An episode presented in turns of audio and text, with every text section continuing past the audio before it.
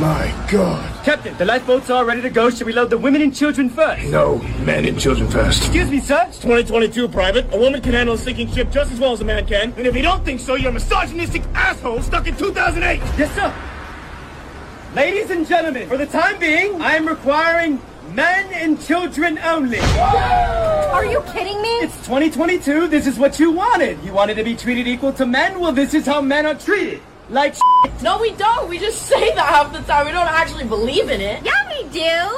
Come on, we're just as capable as men are. Shut up! I identify as a man! Den här podden ska ju handla om den sista gentlemannen eller olika metaforer för vad en gentleman är. Och Sven-Bertil Taube gick ju ur tiden nu i veckan och där var ju den sista man, gentlemannen död enligt väldigt många. Vad innebär det att vara en gentleman och vad händer då i förlängningen med ens liv och ens kreativitet om man faktiskt beter sig som gentleman? Är det det som är lösningen på allt? Det ska vi ta reda på i dagens Lille Lördag.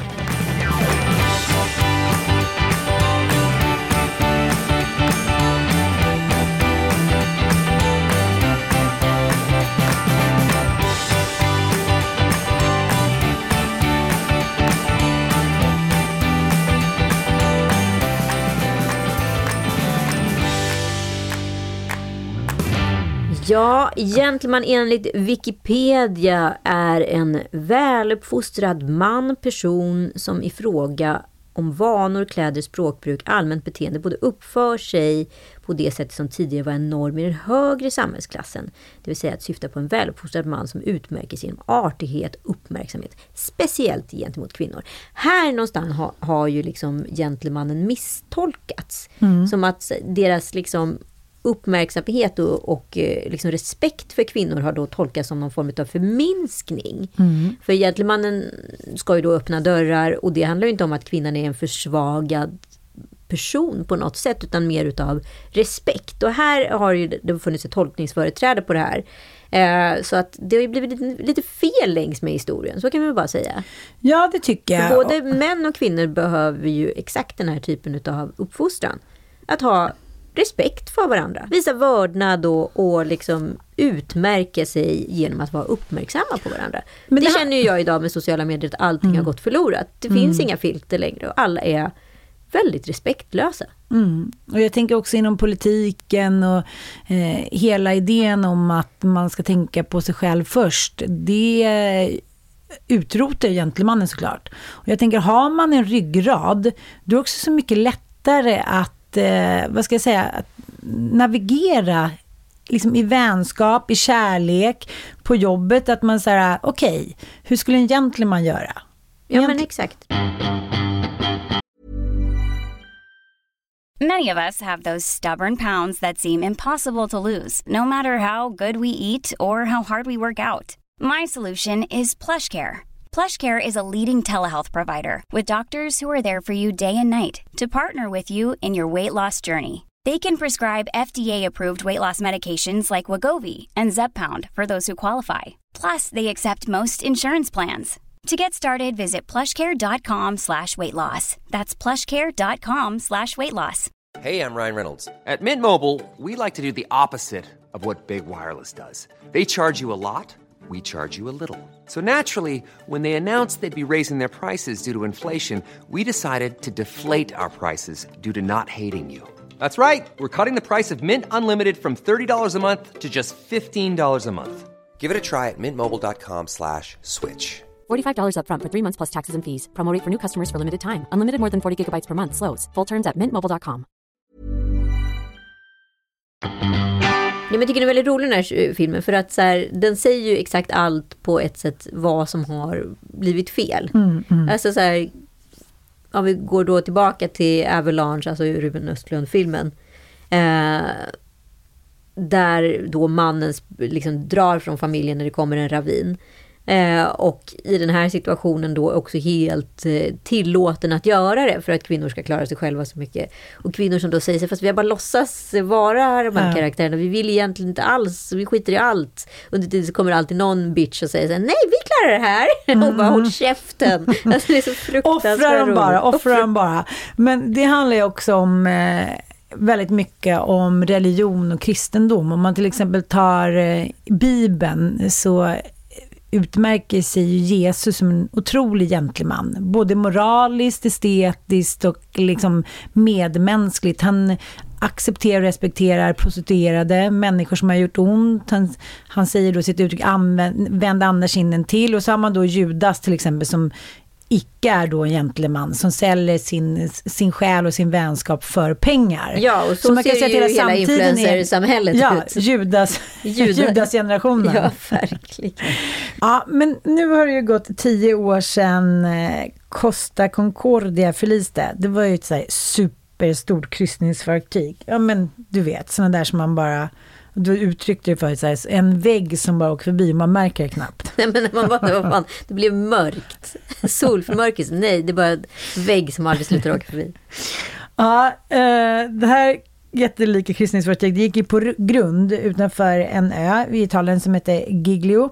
Det var ju 4200 personer som var med på det här skeppet och 32 dog. Och det här var ju liksom en lugn kväll på havet. Det var en fredag 13 januari.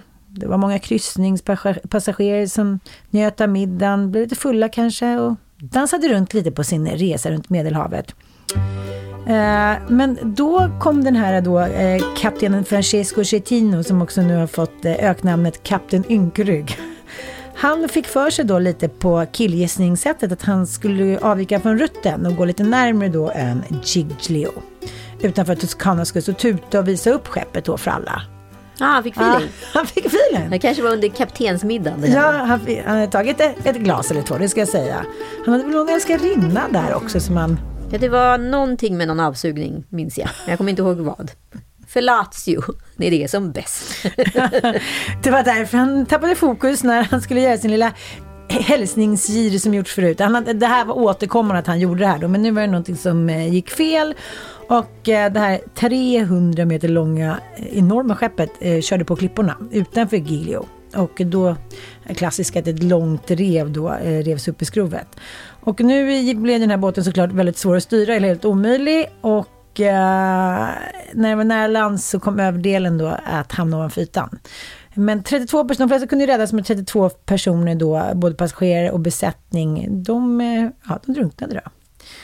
Men den här lilla mannen då, eh, ynkryggen, han har ju försvarat sig med då att det var inte hans fel och egentligen var ju alla andras fel och han grät och han ville bli befriad. Han tyckte liksom inte att han hade, han tyckte att han hade utsetts till syndabock men att det inte var hans fel. Då. Han övergav ju fartyget också, det är ju det som hela essensen. Han var ju verkligen inte en gen- gentleman. Och det är ju en dödssynd. Är man kapten på ett skepp, Då står man sist. Precis. Men Men det har Go ju- down with the ship Ja, man. men även när det var mer religion och kristendom så var det ju såklart, det har för fan alltid funnits ynkryggar som tycker så här, men varför ska Bettan Karlsson och hennes unge få överleva och jag ska frysa ihjäl det här vattnet? Så här, ja. Är men det är konstigt. därför man måste skrika på de här båtarna. För att när paniken slår till och galenskapen med den. Det Mm. är då man måste skrika kvinnor och barn först. För annars kutar män, så är det. Ja. Och liksom kapten Ynkrygg är ju väldigt mycket av en kapten utav vår tid. Jag håller på att läsa en sån här ledarskapsbok nu. Eh, och då är det ju så här, att ta ansvar, det är ju det största tecknet på ledarskap. Alltså så att det är en, jag orkar inte gå in på hela liksom, förklaringen för det, men, men att, så här, att alltid vara den som är ytterst ansvarig och våga stå för det. Eh, och det är ju att vara en sann gentleman eller en riktig kapten och så vidare. Så I go down with this ship. Men eh, det vill inte kapten Ynkrygg. Så det, det är en väldigt rolig metafor i den här tiden utav bristen på gentlemen. Jo, men sen kom det ju fram då, som vi pratade om, att eh, älskarinnan då, det var, hon vittnade också i rättegången, det var en 26-årig moldavisk dansös, Dominika Kemorotan. Och hon har ju sagt då, hon påstod att hon hade kall, kallats då till den här kaptensbrevet för att hon skulle översätta information till ryska passagerare under krisen. Jaha, okej. Ja. ja. Bh satt på huvudet och så här. Nej, det kanske inte gjorde. Men sen när hon vittnade då så eh, visade det sig att hon hade en eh, relation med den här 53-årige då, gifte kaptenen. Och att hon var på bryggan redan när fartyget gick på grund. Då. Men efter, det finns ju regler kring det. Hon fick ju inte vistas där överhuvudtaget. Och eftersom hon inte ens hade en biljett skulle hon inte ens vara ombord. Liksom. Och när den här olyckan var ett faktum, då sa kaptenen rädda dig själv, rädda dig själv. Liksom. Eh, ja, men vi lyssnar lite på hur det lät här inne. Det var ju några svenska turister där också som var på båten. Och hur det lät när katastrofen var ett faktum. Not once, not once did I consider the possibility of it sinking. Plötsligt när jag står där så då blir det helt svart. Det blir en total blackout. Jag ser inte ens min, min hustru bredvid mig.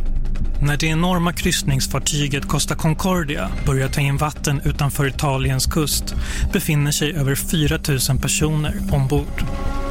It really looked like a spaceship somehow. Mayday, mayday, mayday. Snart riktas hela världens uppmärksamhet mot kaptenen som anklagas för att ha lämnat sitt skepp mitt under pågående haveri.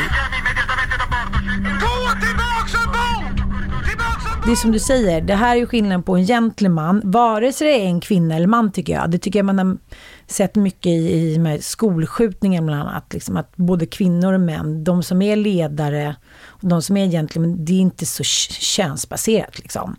Men eh, ja, han skyllde då på sin styrman eh, och eh, nu kommer det. Da, nej, det här är så fragant så att jag... Det här är liksom den ynkligaste av ynkligaste förklaringar. Vet han säger, vad som har hänt? Varför han, hur han hamnade i, eh, i räddningsbåten? Nej. Han halkade. Nej. Precis. Bra Och- halkning. Ja, och råkade falla ner rakt i en linbåt. Och han, nej, han kunde omöjligen ta sig ur den. Han fick 16 års fängelse.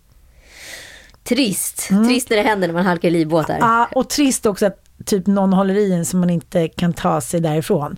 Men om vi ska ha nu, eh, det finns det här Christer i P3, eh, där man kan göra liksom moraltest. Det är så här, när amygdala sätts igång och eh, man får dödsångest och känner så här, är loppet kört. Det är ju inte konstigt att alla människor vill rädda sig själva. Nej, Det krävs är- ju det är en- för att liksom... Överlevnadsinstinkten kall, liksom sätter in mäns pungkulor åker upp i kroppen, Snorre blir liten så att de ska kunna springa fort. Vi gör väl ingenting som riktigt kan åka in i Fiffiloni, men liksom hela kroppen spänner sig. Jag, jag har tänkt på det ett par gånger. Nej, alltså det är samma fysiska reaktion hos mig när jag blir liksom psykiskt stressad som när jag blir fysiskt stressad.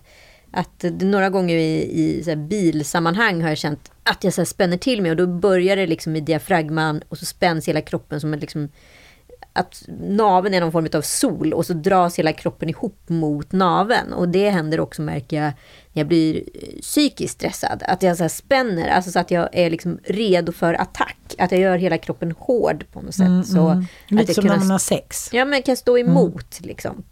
Ehm, och den här rädslan som finns omkring oss, den, den kan ju användas på olika sätt. Eh, rädsla används ju av försäkringsbolag för att vilja göra oss eh, osäkra. Mm. Att trygga upp vårt eh, liv och samhälle. Den här rädslan kan ju användas utav förövare eh, mot brottsoffer. eh, Att spela på deras svagheter.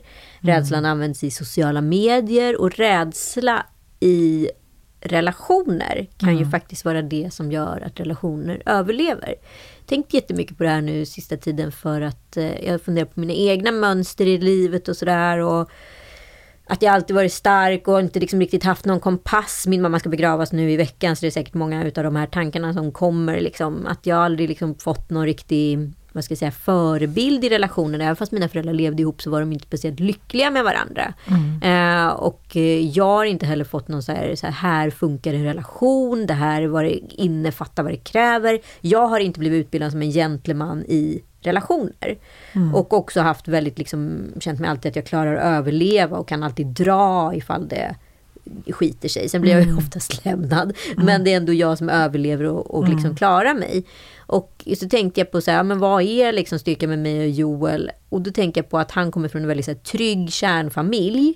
Men den tryggheten i den familjen är också sprungen mycket av rädsla. De är väldigt rädda i den familjen. Och Mm. Joel är också rädd för att bli lämnad och sådana saker. Då tänkte jag på så här, ja, om jag hade fått sätta agendan i våran relation och när jag var jätteosäker på honom i början och sådär, då hade jag förmodligen dragit. Om Ja. det var bara jag som hade valt. Mm. Men i och med att hans rädsla kom in i oss och gick det, fick det här på något bakvänt sätt att förstå att så här, man håller ihop, det är viktigt. Alltså det är Mm. styrka i att vara två. Eh, då har jag liksom brutit mina egna liksom, historiska mönster utav att vara eh, kapten Ynkrygg och fly Mm. fartyget när det har förlist. Spännande, spännande. Du har istället så här, du kanske har halkat ner i båten några gånger, men du har kravlat upp och tagit det tillbaka. Ja men nu när min båt för, har, när båten nästan förlist, då Mm. har vad heter det, jag stått kvar för första gången. Eh, Mm. Så att så här, att fly kan ju ses som en styrka. Men det är ju en feltolkning utav vår generation. Att stå kvar är ju egentligen en styrka. Det är också det som kan vara, ja men, det som sätter käppar i hjulet för en relation initialt. Att man tänker så här, men det kommer säkert inte hålla och hen kommer inte tycka att jag är något bra hit och dit. Så att man, man springer redan innan man har börjat liksom stanna upp. Ja, och då vill man liksom hela tiden skuldbelägga någon annan, precis som han gjorde här med Mm. styrmannen och fan Mm. och hans moster. Liksom. Men egentligen så handlar det så jävla mycket om en själv.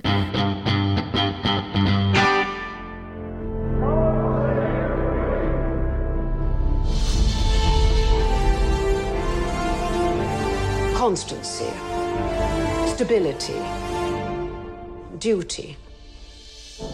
Ja, men jag har ju kollat på precis The Crown nu i helgen och eh, bingeat den och då ser vad liksom den här aristokratin och monarkin kommer med för olika liksom, förtro- förtroenden. Exempelvis så så här, Elizabeth har ju alltid givit upp sig själv då för the Commonwealth och för the Mm. Crown och alltihopa. Mm. Och Philip då, hennes man, prins Philip, eh, han hade ju exempelvis en intellektuell älskarinna under hela den här Mhm. tiden och det uppdagades då under 90-talet. Och hon var ju med honom i ända fram till döden och Elisabeth var ju tvungen då att erkänna henne för att det inte skulle drivas upp några spekulationer. För han Nej, levde ju med henne gud, som en tredje kvinna hela tiden.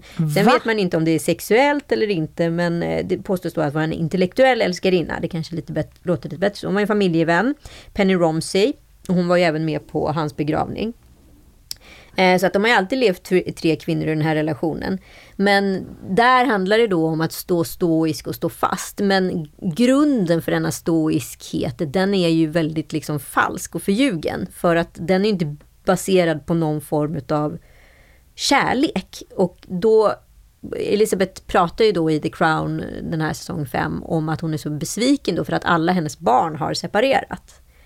Och hon är ju då beskyddare utav engelska kyrkan, kyrkoväsendet. Mm. Hon är liksom under Gud är hon den liksom beskyddaren som finns. Mm. Och när man då, det var ju därför hennes pappa inte fick bli kung exempelvis för att han gifte sig med en frånskild. Så för henne, i hennes värld finns det ju inte att man skiljer sig. Så hon är så Mm. otroligt besviken på sina barn. Eh, Och exempelvis prins Charles. Men orsaken varför de skulle gifta sig med de här olika personerna, det har ju aldrig varit sprunget ur kärlek. Utan det har varit sprunget ur något annat. Charles älskade ju Camilla redan från tonåren. Han var Mm. jättekär i henne och har alltid varit det. Liksom. Eh, Men hon var inte god nog för Elizabeth. Och sen har hon sakta fått tag sig in. Liksom. Men jag tycker det här är så intressant också. Det har ju både Diana och Charles beskrivit liksom många gånger att han blev ju så betuttad henne, i Mm. Liksom hennes ungdom, hennes frisör, hennes liksom, eh, att hon var så förälskad i honom. Det blir motsägelsefullt eftersom han var ju redan kär i en annan kvinna. Och får den här otroliga kärleken och ungdomen och hela, liksom all, hela världens blickar vändes ju mot dem. För att de var ju ett otroligt sagopar. Liksom. De var ju perfekta på papper. Och då Ja. var de, väl, de gick väl också på den där myten själva tillsammans med varandra. Tills man insåg att de Mm. var så otroligt olika. Hade så otroliga uppfattningar om världen och värderingar och verklighet och så vidare. Och Charles liksom leva i den där skyddade borgen där liksom ingen släpps in. Det är ju Mm. liksom speciellt. Och man blir ju inte speciellt eh, kanske närvarande och personlig med någon. Man kanske ser sitt uppdrag precis som han gjort, precis som Elisabeth gjort, mer till liksom landet. Mm. Han har ju varit liksom otrolig så här filantrop och hela, hela det där köret. Liksom varit jättetidig på det här med miljö långt innan alla andra. Och egenproducerad mat och hemodlat och så vidare. Men ja, att vara tillsammans med en kvinna på det där sättet som man inte har ett intellektuellt utbyte med. Eh, det är klart att det kanske är frustrerande. Jo, men det är väl därför man brukar använda sig av uttrycket sommarkatt. Att man träffar någon vid viss period av sitt liv som ska fylla en funktion. Att fylla en med ungdom igen eller fylla en med glädje eller ja, men, du vet, någon som hakar på alla ens idéer. Man känner sig liksom ung och fylld av liv. Men sen som med allt annat så försvinner den där passionen efter ett tag och då ska ju någonting stå kvar. Och eh, det är därför jag tänker ändå att så här, Tinder är ju inte helt dumt alltså. För man, man skalar ju liksom bort lite av det där att man hinner lära känna varandra redan innan. Men det sätter ju också käppar ut för att man på något sätt sorterar bort allting. Allting handlar om att sortera bort i dagens samhälle. Ja, precis. Det personliga mötet kan man ju inte undvika att säga Mm. att det är ju ändå det som är det starkaste. Liksom. Det Mm. finns många lager i det som aldrig en app kan göra. En app är ju Mm. någonting som liksom filtrerar en person Mm. ner till någon form av essens. Men med det sagt så betyder det ju inte att det är personens liksom, säljpotential som kommer göra den unik. Utan det kanske är alla de där andra mellanskikten. Jag kan också tycka att så här, jag är så jävla trött på att höra från människor och säga vi var så olika varandra så det funkade inte och det kände vi växte ifrån varandra hit och dit. Allting handlar ju om att den moderna människan är för slö och ser på kärleken och relationen som någonting annat som ska funka perfekt hela tiden. Den andra människan är ett objekt, den ska liksom fulfill your dreams, alla dina needs och hit och dit, istället för att se på kärleken som vilket projekt som helst. Okej, helt plötsligt blir människor besatta av en jävla vinkällor. All, de kan allting. Nej, det här är romskt vin.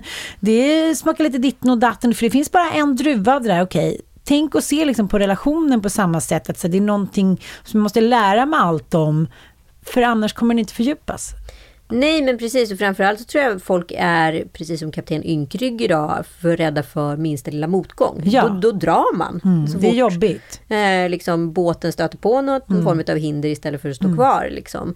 Ehm, ja, men för jag tänker att så här, en relation, om man inte har någonting gemensamt, men det är inte så mycket att göra. En Nej. passion är ju väldigt flyktig, det är som att ha en tryffel i en burk. Mm. Så fort du öppnar burken så luktar det fantastiskt, men Mm. så fort du, om du fortsätter låta burken vara öppen så kommer den där doften ganska fort försvinna. Mm. Och tryffeln är liksom förstörd på något sätt. Så att så här, man måste ju sätta på det där locket så fort eh, igen, för annars kommer det där försvinna. Man kan liksom inte slösa på kärleken på ett sätt i relationen. Det vill säga, du kan inte sälja ut den till andra, du kan inte klaga för mycket hos andra. Alltså det finns ju någonting i aristokratin och gentlemannaskapet som är Mm. så här att ja, men liksom mellan skål och vägg. Att så här, prata inte om det. Om det verkligen behövs pratas om, välj ut ett par, men välj inte ut liksom hela fan stan. Mm. Börjar du liksom skadliggöra relationen och göra den tillgänglig för alla, då har ju alla möjlighet att se Mm. in. Det är Mm. det som händer med sociala medier. Alla får insyn i allting, i alla faser. Mm. Och där blir det ju någonting märkligt. Ja, och jag tänker på den här nya podden Under ytan. Ja. Kan vi prata lite om den? Vi måste väl nästan göra det. Hey, I'm Ryan Reynolds. Recently, I asked Mint Mobile's legal team if big wireless companies are allowed to raise prices due to inflation. They said yes. And then when I asked if raising prices technically violates those onerous two year contracts, they said, What the f are you talking about, you insane Hollywood ass? F- So to recap, we're cutting the price of Mint Unlimited from $30 a month to just $15 a month. Give it a try at mintmobile.com slash switch. $45 upfront for three months plus taxes and fees. Promo rate for new customers for limited time. Unlimited more than 40 gigabytes per month. Slows. Full terms at mintmobile.com. Hi, I'm Daniel, founder of Pretty Litter. Did you know cats tend to hide symptoms of sickness and pain? I learned this the hard way after losing my cat, Gingy. So I created Pretty Litter, a health monitoring litter that helps detect early signs of illness by changing colors, saving you money and potentially your cat's life. Pretty Litter is veterinarian developed, and it's the easiest way to keep tabs on your fur baby's health right at home. Go to prettylitter.com and use code ACAST for 20% off your first order and a free cat toy. Terms and conditions apply. See site for details. Två barn väljer bort sin pappa. De vill inte prata med honom, inte träffa honom och inte ha kontakt på sociala medier. Han är helt blockerad från insyn i sina barns liv, deras skolgång, deras hälsa, deras resor, deras fritidsaktiviteter. Man skulle kunna tro att vi har att göra med en våldsverkare, en missbrukare, en pappa som begår övergrepp.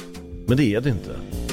Han är en pappa som älskar sina barn, som vill ta sitt föräldraansvar, delta i deras vardag och se dem växa upp.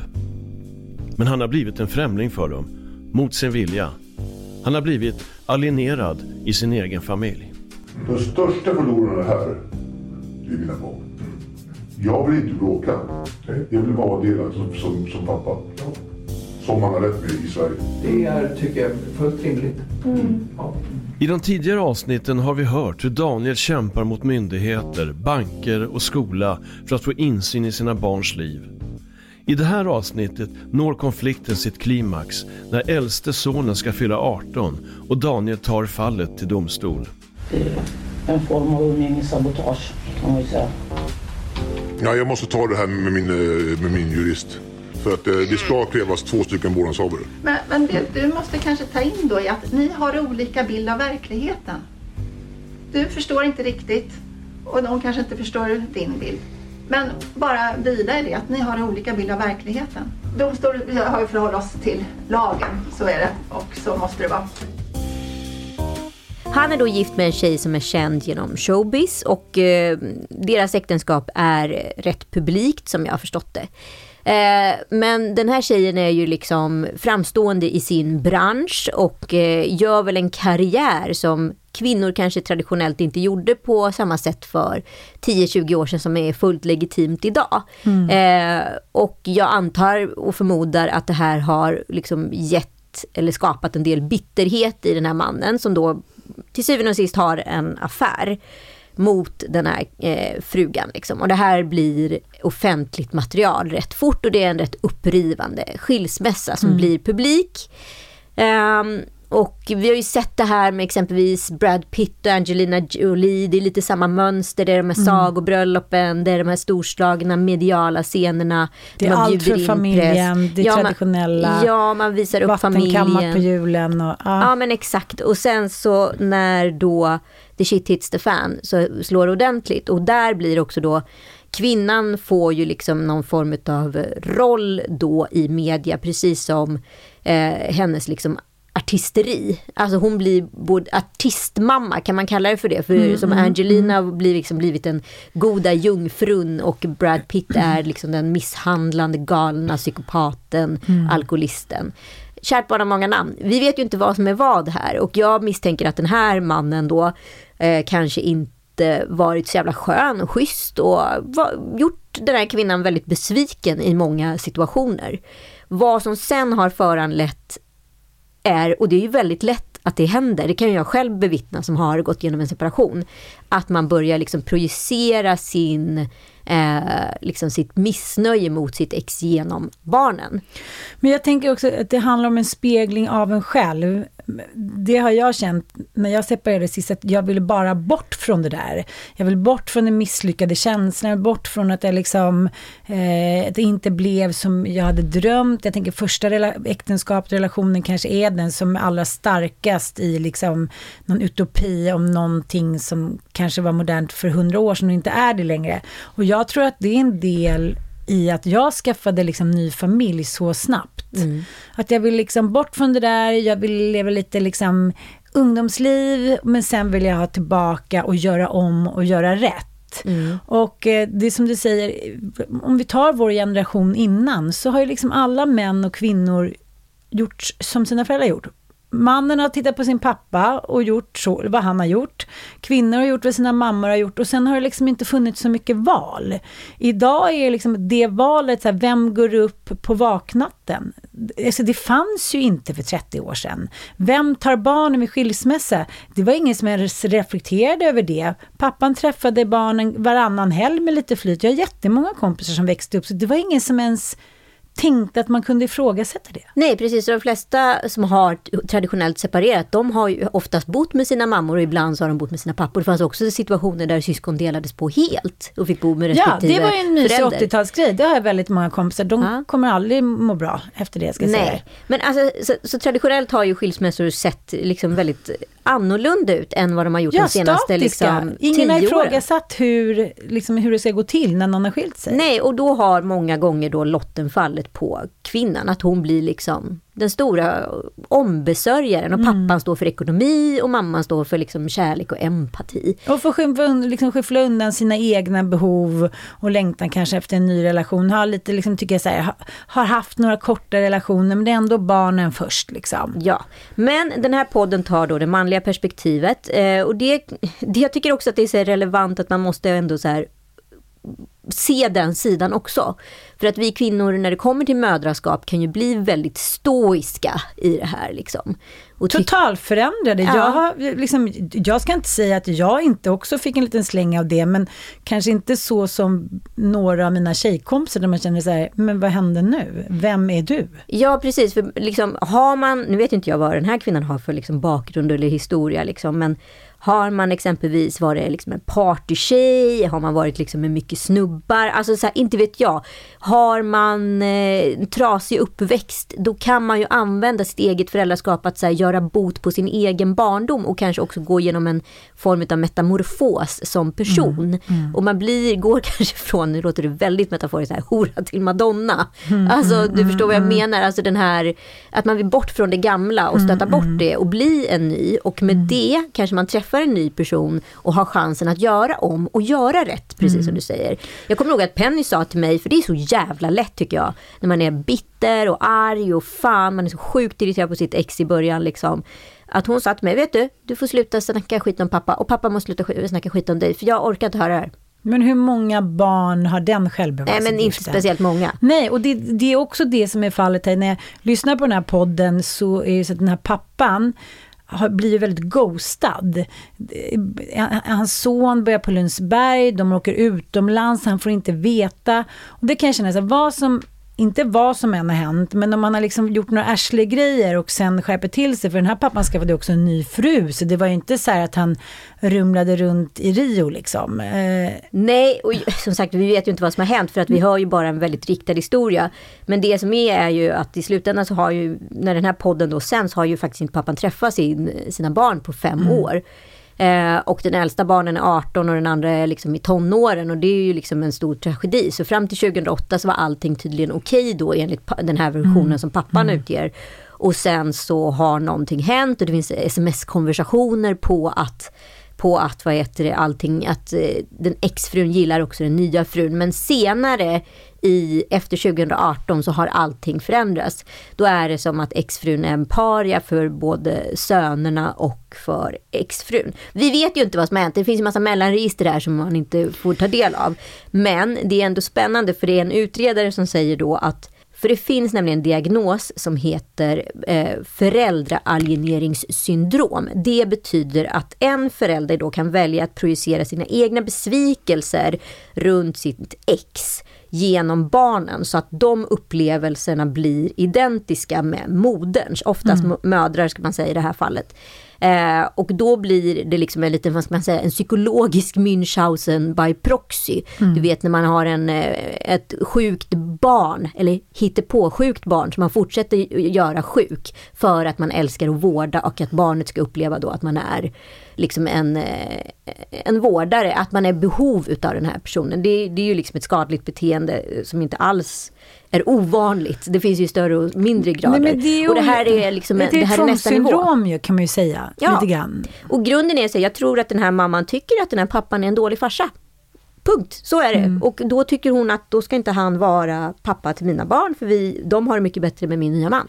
Ja, men det här kräver ju då, den här kvinnan, hon har ju byggt ett, liksom, ett perfekt sagoliv kring sin egen persona. Jag har också en ny relation och, liksom så Ja. här, och jag, och hon, jag har träffat henne flera gånger, hon är ju världens gulligaste. Det här Ja. Mm. är liksom en isolerad händelse i hennes liv som är såklart är jätteprivat och skitjobbig såklart att den är Mm. medial. Eh, men det som man inte får glömma bort även hur jävla arg man än är i en skilsmässa och hatar sitt ex. Mm. Det är ju att inte för barnen är en förälder en förälder oavsett Mm. vad den har gjort. Sen kan jag uppleva att eh, mitt ex ibland är usel och han upplever ibland att jag är usel. Men skulle vi Mm. liksom förbjuda varandra att vara föräldrar till våra barn.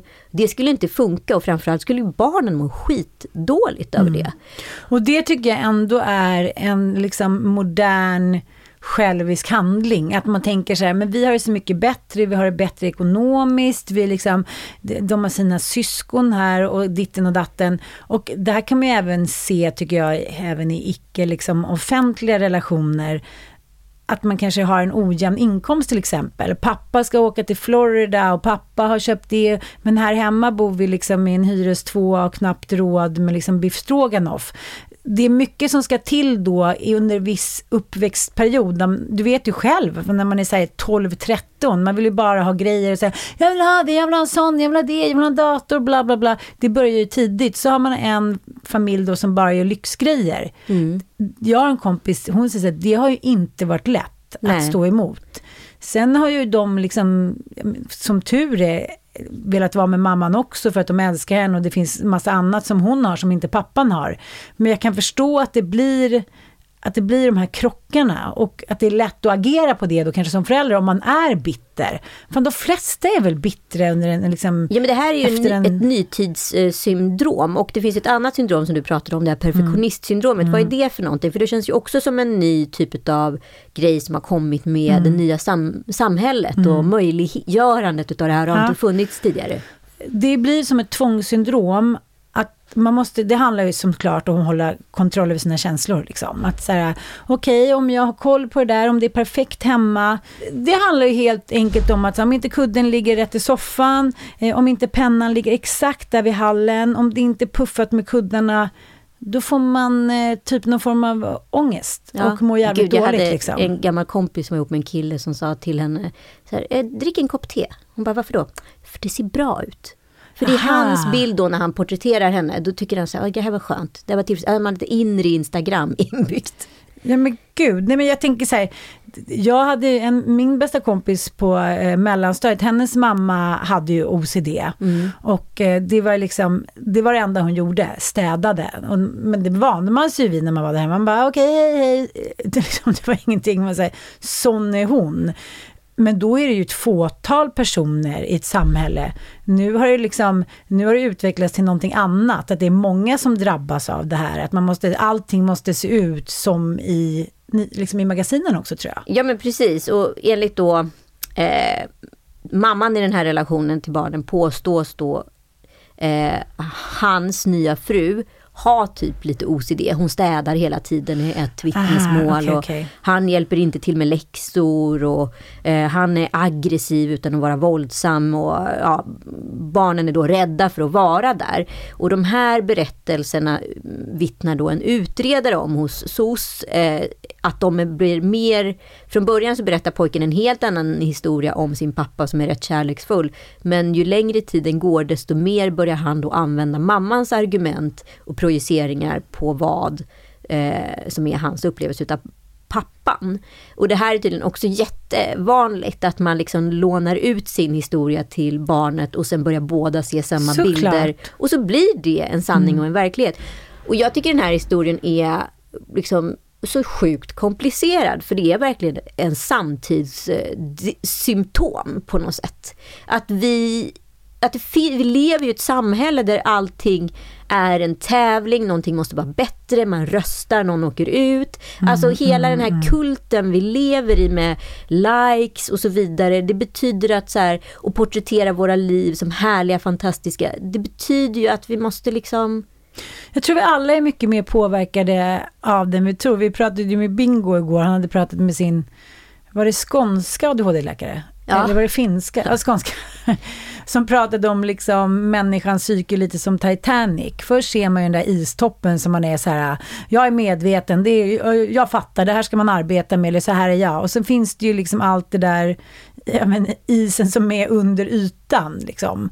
Och eh, att man agerar på så mycket som man inte förstår varför. Och sen ser plötsligt kommer en pusselbit och säger så här, men gud, det var ju för att det där hände i barndomen. Och det handlar mycket om energier i kroppen som man inte alltid kan tolka och som man ofta måste agera på. Men det som jag tycker är extra tragiskt i den här historien, det är också det är ju fem avsnitt i den här programserien. Så det är ju väldigt genomarbetat. Det är inte bara någonting man har rafsat ihop på en liten spekulation för att det handlar om en offentlig familj. Nej, han har ju, Eh. han har ju bandat allting, eh, den här pappan, så att det finns ju på band. Och vi vet väl såklart alla vilka de här personerna är, men jag tänker inte hänga ut någon med namn eftersom det inte är konfirmerat från någon och de har valt att vara anonyma.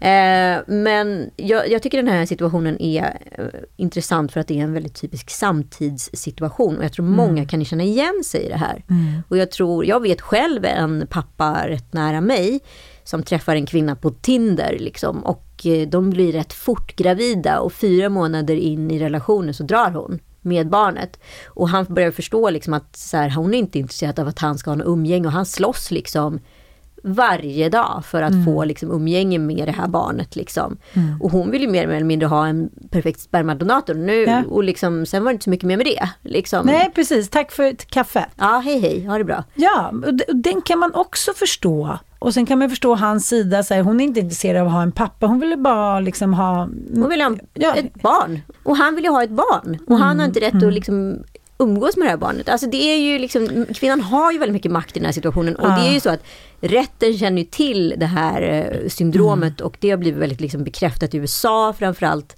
Där det finns liksom pengar på bordet och skilsmässor är liksom en stor affärsuppgörelse i princip.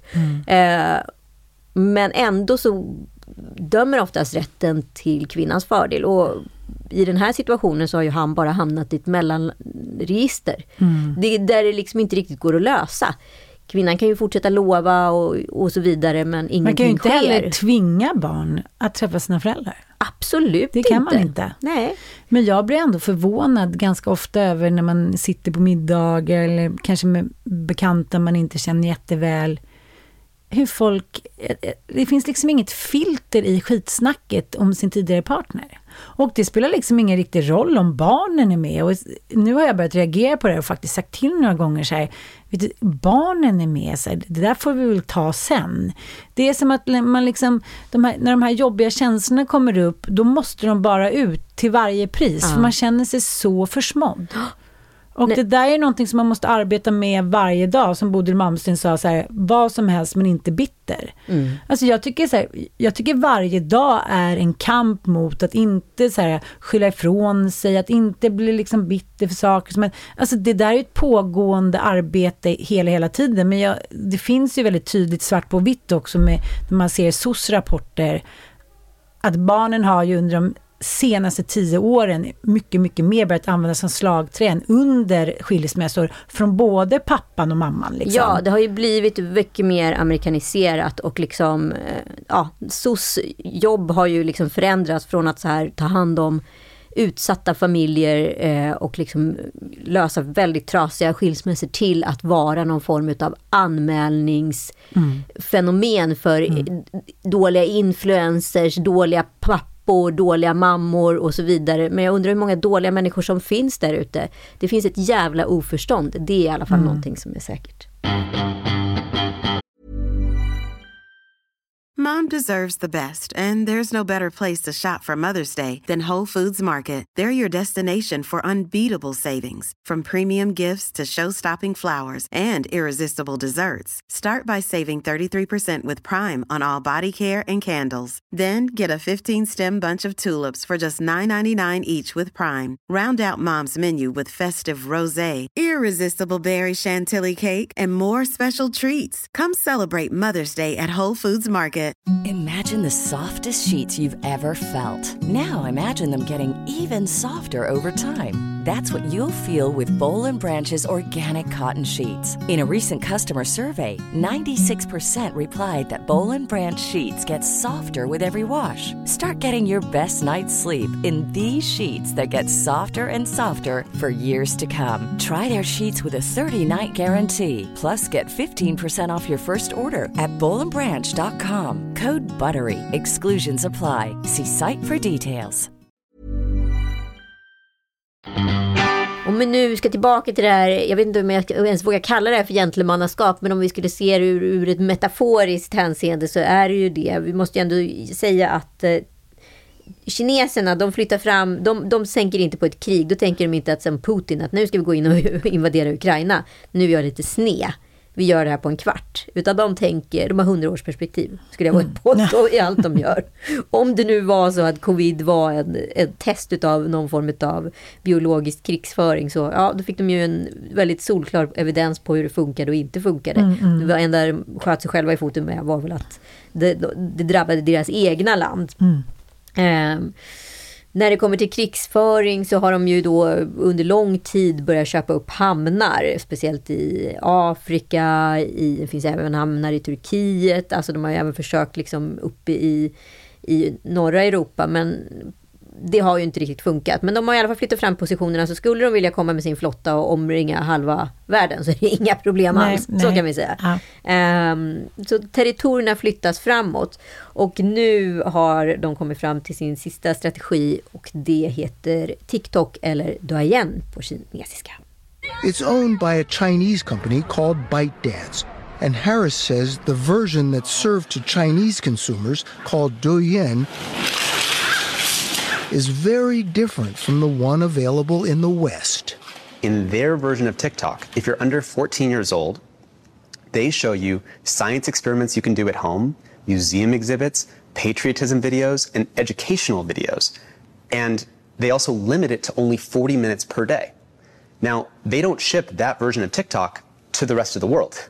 So it's almost like they recognize that technology is influencing kids' development, and they make their domestic version a spinach version of TikTok, while they ship the opium version to the rest of the world.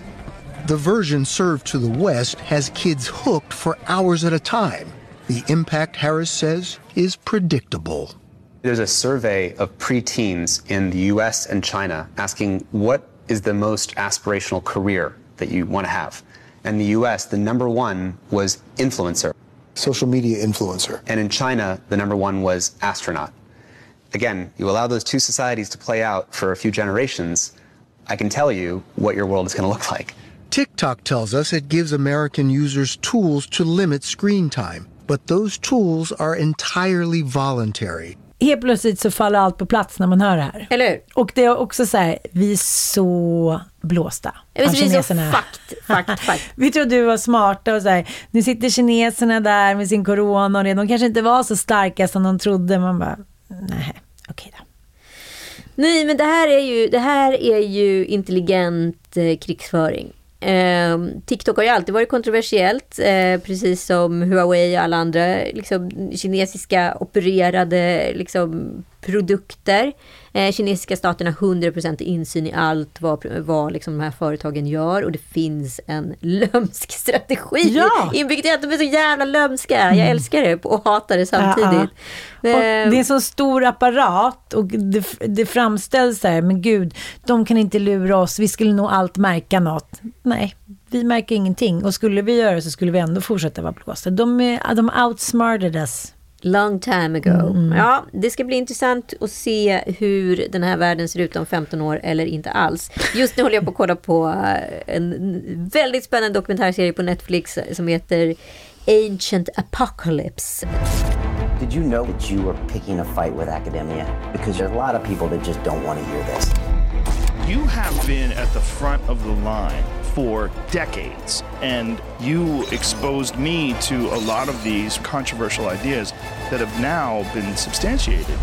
Han är den här kontroversiella, liksom, vad ska jag säga, arkeologiska journalisten eh, Graham Hancock som har eh, gjort det här. Han har ju varit den som har liksom ifrågasatt arkeologer och många arkeologer är jättearga på honom och tycker att han är en, eh, en charlatan och despot och alltihopa. Så han säger jag är inte arkeolog. Jag bara försöker se sambanden ur liksom ett större perspektiv än se någonting var en sten kommer ifrån. Liksom. Att det kanske finns andra beskrivningar också.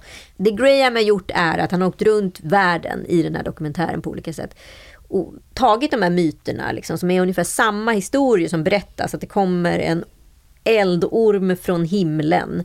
Eh, att det kommer en man i en båt med, som förs av drakar. Att det, den här mannen eller kvinnan som det har varit i vissa situationer har då lärt eh, människorna både arkitektur och agrikultur Mm. och på så sätt civiliserat människan. Och det, det man då historiskt har påstått är att människan är 5600 år. Från den tiden var vi liksom jägare och samlare och innan fanns inga civilisationer. Men det för då var det istid. Men det man nu har sett, eller det han ser spår av och det många nu arkeologer börjar bekräfta, det är att det fanns en stor civilisation redan för, eh, för 12 800 år sedan, eller 10 800 år sedan före Mm. Kristus.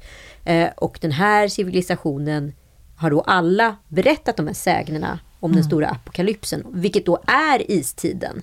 Då väldigt många av dem dog ut, inte alla, men det är Mm. de som har överlevt som har berättat de här historierna till senare generationer. Och sen har man då kunnat gå från jägare samlare till jordbrukare och till sist civiliserad. Så det är så historien har sett ut. Mm. Så den här dokumentären liksom har ju slagit allt ja, omkull allt. Och den här teorin har ju slagit omkull mycket. Mm. Det är ju eh, liksom den här boken som kom för några år sedan, Everything's Dawn, som pratade om att människan inte alls levt i en linjär riktning utan mycket mer cyklisk. Att eh, det är därför också det är intressant med de här sägnerna som uppstår eh, liknande då på olika platser på jorden. Templen som är riktade mot liknande mål mot himlen och så vidare. Att människan lever cykliskt. Vi har ett sprung i oss och den vägen ska vi vandra. Så ser Mm. den ut. Oavsett om vi är födda i Kina eller i Mm, USA mm, eller mm. på Antarktis. Det finns liksom en, en eh, utstakad väg. Ja, en grundkultur Ja. i oss som driver oss framåt. Men axeln är cirkulär. Ja, men det är samma sak att man säger att man har ett, eh, men ett gemensamt språk. Som när människor slår i huvudet eller blir sjuka eller liknande. Så helt plötsligt kan människor liksom prata ryska över en natt eller franska liknande. Att vi, vi har liksom någon, någon gemensamt ursprung i språket som vi alla kan. Jag läser en bok om det nu, därom tvistar jag lärde. Men det är ändå intressant det där om vi kanske som du säger det här med cykliska, att allting, vi kanske har någon gemensam grogrund som vi har lättare att liksom attrahera än vad vi tror. Istället så alienerar vi oss ifrån varandra. Ja, och det som kommer ske då om det nu blir en ny naturkatastrof, vilket mycket pekar mot, och det pekar också mot den, det apokalyptiska datumet, att de här meteorerna, för det den här dokumentären säger, det är att så här, det, det våra förfäder har förstått då, det är att titta mot himlen för att det kommer komma någonting där och det kommer då cykliskt. Så man har sett när de här meteorerna har slagit ner och nu är det liksom, vi är, vi är i ett meteorfönster just nu. Mm, liksom. Men mm, det, mm. det spannet är ungefär 200 år, så vi vet inte riktigt när. Mm. Men om det nu är så att vår apokalyps är nära, det vill säga med naturkatastrofer och vår liksom, totala avsaknad för respekt för naturen, eh, och kommer bli vår död. Då kommer det komma en ny istid, men det kommer ju komma en civilisation efter Mm. våran. Mm. Men hur skulle du, Ann Söderlund, vilja berätta för ja, dina kommande framtidsfäder då, det liv du levde om inte du kan hugga som eh, Stein gjorde? Steinar Eisten, Stein eller vad det nu var. Jag tänker på det när jag är på museum och, så och ser översättning så tänker jag här, men fan, något roligare kunde jag väl ha kommit på. Något liksom, något mer så här skrytigt. Det är mycket så här, röjdhårig, stor kuka, slog ihjäl sin bror typ. Jo, och att gifte sig. storkuka. Men du, men på riktigt, vad skulle du lämna för monument utav dig själv på jorden för att berätta för kommande framtidsgenerationer vem du var? Ja, eh, skulle det vara du inristad med en podcast eller en telefon i det, handen? Det är kanske inte det som jag tycker är min stora heroiska insats. Det kanske skulle vara så här... äh, Stod upp, födde fina pojkar, stod upp för de svage och var lite allmänt tokig. Det låter bra. Jag tycker vi avslutar podden med de varma orden. Vi hörs om en vecka. Stein!